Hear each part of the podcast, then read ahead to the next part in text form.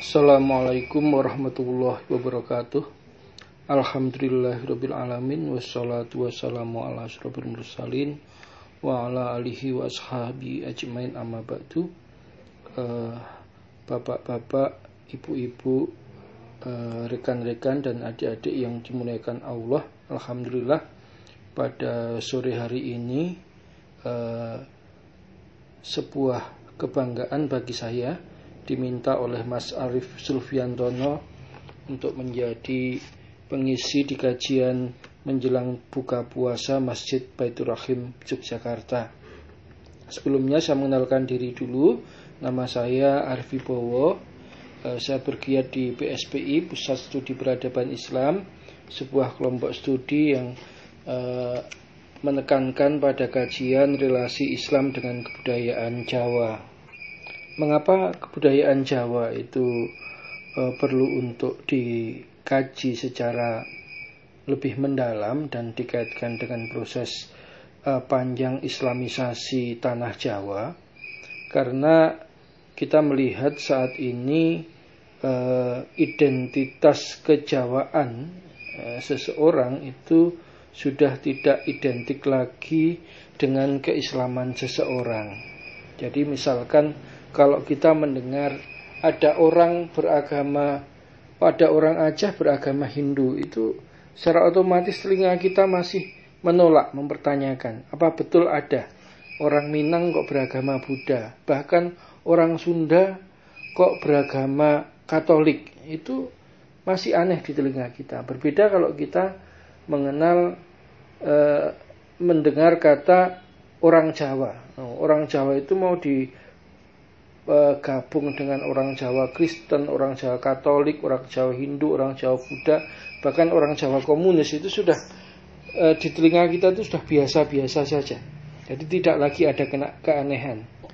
Nah, itu yang pertama. E, mengapa kemudian identitas etnik kita sebagai orang Jawa itu tidak lagi menyatu dengan identitas keagamaan kita sebagai Muslim? Bahkan di beberapa kajian e, di beberapa kalangan bahkan di kalangan santri sekalipun ketika saya bertanya apa substansi dasar kebudayaan Jawa maka mereka akan menjawab substansi kebudayaan Jawa itu Hindu Buddha. Nah ini ini tentu menarik. Kenapa bisa uh, orang Jawa yang secara uh, identitas kependudukan mayoritasnya adalah Muslim, tetapi ketika bicara budaya Jawa selalu seolah-olah Hindu Buddha itu adalah sebagai substansi dasar dari kebudayaan Jawa. Padahal di masa lalu, ini justru saya temui dalam bukunya uh, Pendeta Jan Saritonang yang berjudul Perjumpaan uh, Islam dan Kristen di Indonesia. Kalau sampai ada orang Jawa kok masuk Kristen, maka dia disebut sebagai wong Jawa ilang Jawanya. Atau dipoyoi dengan kata-kata Jawa wurung londo durung. Nah, berarti pada waktu itu Jawa itu identik dengan Islam. Kenapa? Karena orang kalau sudah menanggalkan status keislamannya, maka dia tidak lagi dianggap sebagai bagian dari orang Jawa.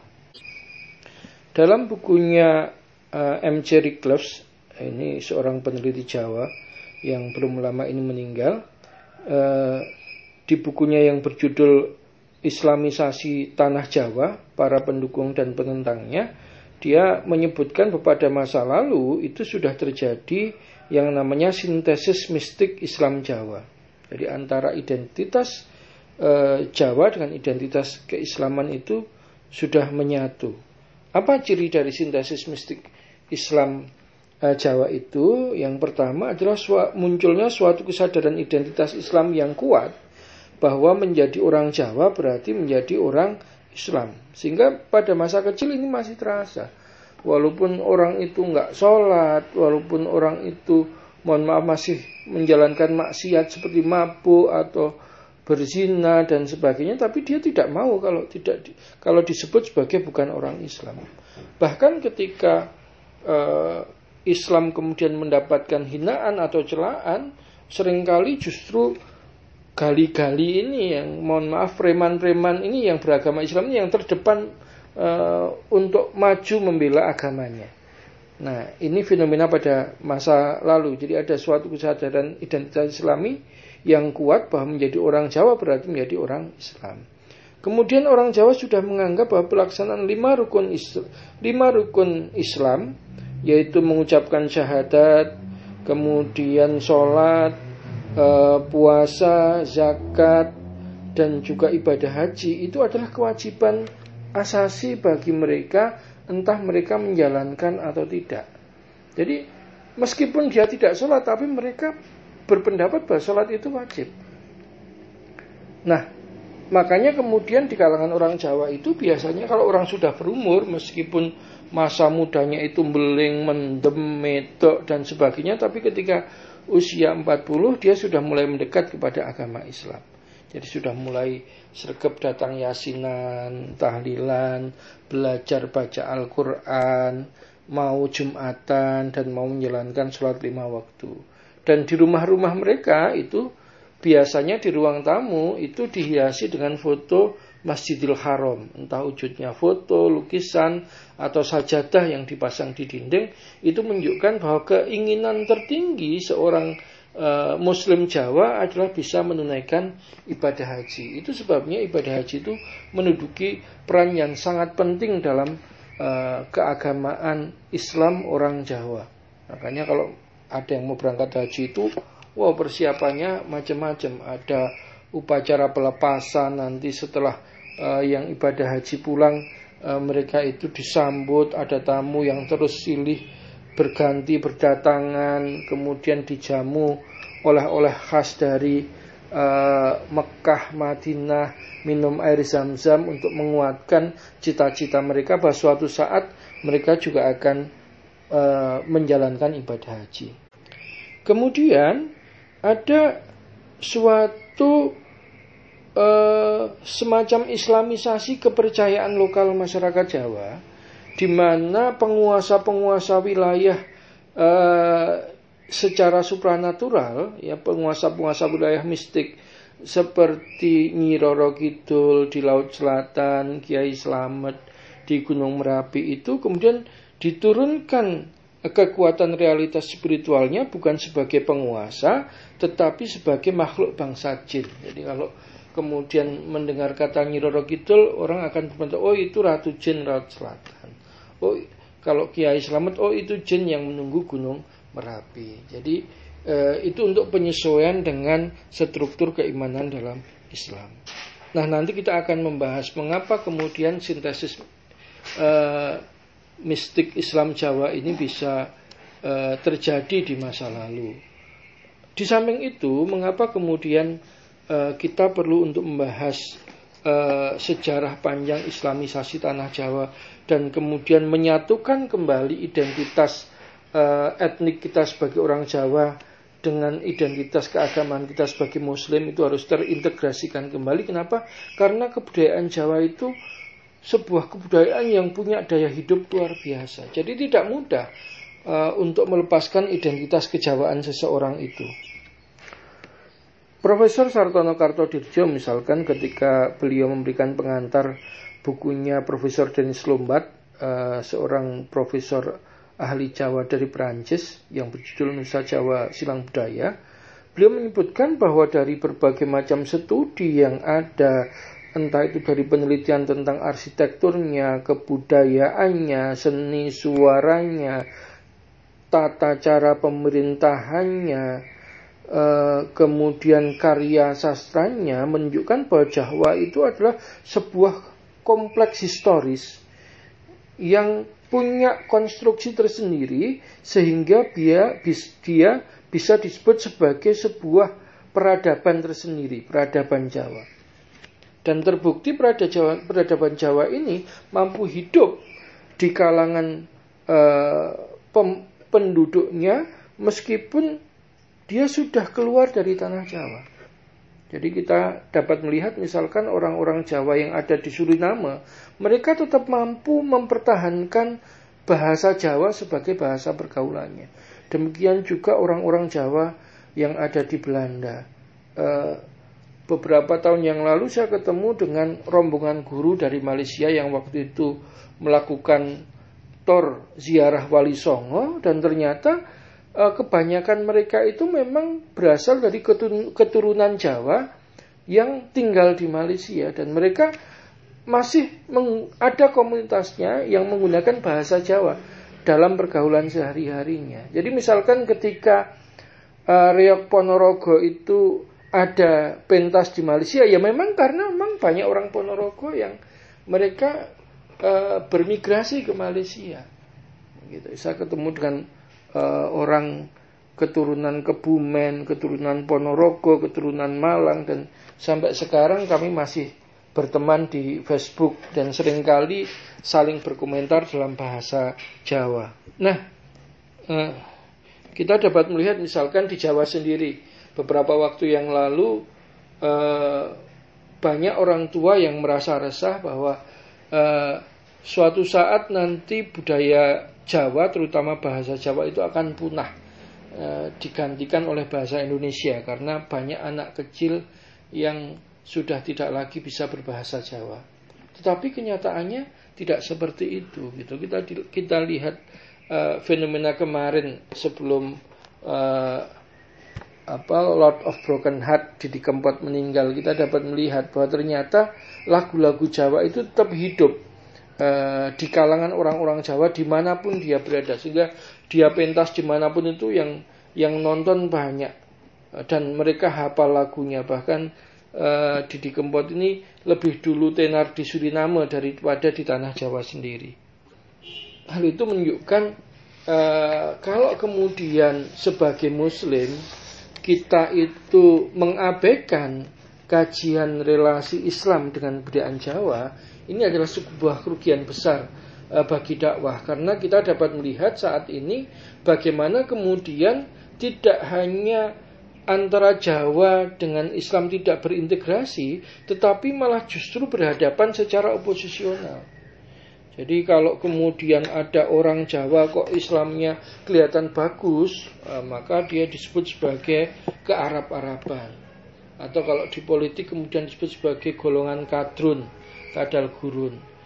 Nah, di sisi lain, di kalangan orang Islam sendiri, terutama dari kalangan teman-teman modernis, teman-teman salafi, begitu melihat kebudayaan Jawa, itu kesimpulannya cuma dua. Kalau enggak syirik ya bid'ah. Jadi seolah-olah memang orang Islam sebagian muslimin sendiri mengakui bahwa memang tidak ada tempat bagi Islam di budayaan Jawa. Ini kan tentu menarik. Kenapa? Karena kemudian sebagian orang Islam ini pendapatnya kok bisa sama dengan orang-orang yang uh, selama ini beroposisi dengan dakwah Islam. Nah ini nanti yang akan kita runut. Mengapa itu bisa terjadi? Kita menelaah secara ringkas dulu bagaimana perkembangan Islamisasi di tanah Jawa. Ini menarik karena kalau dilihat persinggungannya sebetulnya antara uh, Islam dengan Aceh bertemu uh, antara Jawa dengan Aceh itu bertemu Islam dalam periode yang sama. Uh, Jawa sudah mengenal Islam, uh, maksudnya ada utusan dari kekhalifan Islam ke tanah Jawa itu sejak pada masa kerajaan Kalingga itu kalau di buku sejarah umat Islam karya Buya Hamka.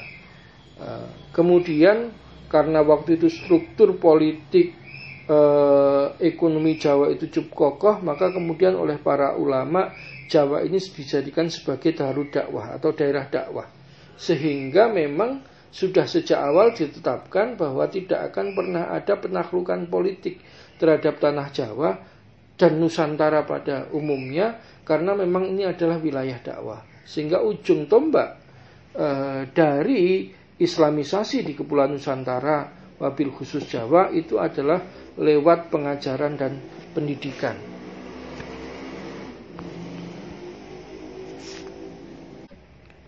Itu sebabnya proses Islamisasi di tanah Jawa itu berjalan bottom up Islamization. Jadi Islamisasi dari bawah. Eh, pada masa kerajaan Majapahit umat Islam itu sudah mulai bertumbuh. Sebelum Wali Songo itu sudah ada ulama-ulama yang berdakwah di tanah Jawa. Hanya saja kemudian uh, dakwah ini membutuhkan momentum atau akselerasinya ketika pada akhir kerajaan Majapahit di mana kita tahu bahwa Majapahit itu runtuh salah satu sebabnya adalah karena perang saudara yang e, berkepanjangan dalam perang Paregrek ya antara para pewaris tahta Majapahit. Kemudian selain itu pada masa akhir kerajaan Majapahit itu juga Hindu dan Buddha itu mengalami kejatuhan moralnya yaitu dengan berkembangnya aliran Buddha Siwa Bhairawa Tantra yang diadopsi sebagai agama resmi di Majapahit. Uh, Buddha Siwa Bhairawa Tantra ini mempunyai ritual yang disebut sebagai Ponco Makoro atau lebih dikenal dengan istilah Molimo. Ini dalam bukunya Islam dan Kebatinan karya Pak Rashidi disebutkan bagaimana bentuk upacara Molimo itu. Upacara Molimo itu terdiri dari uh, lima fase upacara. Yang pertama matsio memakan ikan gembung beracun. Manuyo, manuyo ini ada nanti gadis yang dijadikan korban, ya diletakkan di atas batu besar, kemudian dia dikorbankan, uh, dibunuh. Setelah itu darah dan dagingnya dimakan bersama-sama oleh peserta upacara. Ada juga upacara madyo, minum minuman keras sampai mabuk. Kemudian mutro, menari sampai ekstase. Nah, ini kita dapat lihat kesenian-kesenian di lereng gunung yang merupakan basis pertahanan uh, budaya Majapahit. Itu rata-rata uh, keseniannya ada fase mutro ini, menari sampai ekstase atau ndadi. mulai dari makan ayam, kemudian memecah kelapa dengan kepala dan sebagainya. Nah itu kemudian diakhiri dengan ritual mauti, maituno, yaitu ritual seks massal di tanah lapang disebut sebagai setra, setro. Nah ini uh, jejak ini masih kita lihat misalkan di pesugihan Gunung Kemukus ya. Kalau di pesugihan Gunung Kemukus itu orang datang uh, dengan pasangannya nanti ketemu dengan pasangan lain uh, nanti di sana bertukar pasangan, bertukar suami istri dan mereka melakukan mohon maaf persetubuhan di tengah tanah lapang pada bulan purnama dan itu harus diulang selama tujuh purnama berturut-turut. Selain upacara molimo tadi, uh, ada juga uh, upacara kematian yang kemudian membuat orang Jawa itu berpaling dari ajaran lamanya yaitu kalau orang mati itu dibakar dalam upacara ngaben. Tapi tidak hanya ngaben, uh, ada upacara sati. Jadi kalau seorang suami meninggal maka ikut dibakar bersama jenazah sang suaminya itu istrinya dibakar hidup-hidup. Uh, peristiwa sati terbesar ini terjadi pada masa saat meninggalnya Raja Tapang Alun dari kerajaan Belambangan. Belambangan ini di Banyuwangi. Nah, bersama jenazah sang raja ikut dibakar hidup-hidup itu ke 275 istrinya. Jadi ketika kemudian agama itu sudah identik dengan darah, tadi perang paregrek, ritus uh, yang menggunakan korban manusia, uh, kemudian jatuh jauh dari nilai-nilai moral, maka kemudian agama itu akan di ditinggalkan oleh masyarakat. Nah pada saat itu Majapahit baru saja menaklukkan kerajaan Pasai di Aceh. Nah kerajaan Pasai ini dikenal sebagai pusatnya para ulama. Nah ketika kerajaan Pasai hancur, kata Buya Hamka dalam buku Perbendaraan Lama, meskipun mereka kalah secara politik, tetapi para ulama Pasai yang sangat dihormati oleh kerajaan-kerajaan Islam di Melayu pada saat itu, itu kemudian banyak yang pergi ke tanah Jawa berdakwah dan kemudian mereka disambut oleh masyarakat banyak. Itu sebabnya kalau di kalangan orang Jawa abangan, ritus utama menjadi muslim itu ya yasinan tahlilan, 7 hari, 40 hari, 100 hari, 1000 hari. Karena itu salah satu pintu masuk. E, bagi orang Jawa pada saat itu, Upacara ngaben dan saat itu tidak masuk akal. Yang masuk akal itu ya filosofi Islam tentang kematian. Bahwa manusia itu berasal dari tanah dan akhirnya kembali ke tanah.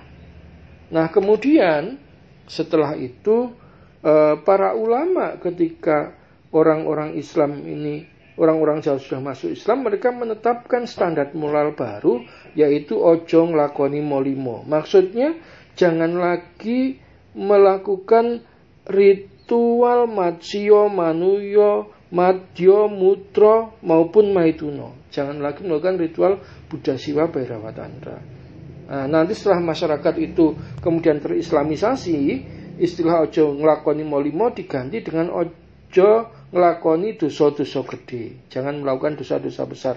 Ojo madat ojo maton ojo minum ojo main lan ojo maling. Nah itulah uh, kita lihat bagaimana sebetulnya para ulama kita mampu melakukan sebuah revolusi kebudayaan sehingga akhirnya sebetulnya kebudayaan Jawa yang ada sekarang ini adalah kebudayaan yang memang berpusat dari kultur keislaman, kultur pemahaman keislaman. Karena kemudian yang berkembang adalah budaya gotong royong, ulas asih, sopan santun, unggah ungguh, kemudian zina juga menjadi hal yang sangat tabu bagi masyarakat Jawa di lereng Merapi misalkan uh, kalau ada sampai orang di kampung itu berzina, maka oleh tetangganya dia dihukum secara sosial namanya hukum cepet. Jadi dia diisolasi, tidak diundang man, uh, kalau ada hajatan, kemudian dan sebagainya. Jadi dia mengalami isolasi sosial. Ini menunjukkan bahwa moralitas Jawa itu sudah disesuaikan dengan eh, nilai-nilai uh, keislaman. Itu mungkin yang uh, saya sampaikan pada sore hari ini insya Allah kalau kata Ustadz Arif Sulfayantono kita akan bertemu lagi satu kali lagi dan nanti kita akan membahas lalu bagaimana kemudian kok sintesis mistik Islam Jawa ini bisa dihilangkan kok Islam dan Jawa itu bisa dipisahkan bahkan diperhadapkan bermusuhan siapa saja aktor-aktornya itu nanti yang akan kita bahas pada pertemuan kedua Akhirul kalam bila taufiq walidayah. Assalamualaikum warahmatullahi wabarakatuh.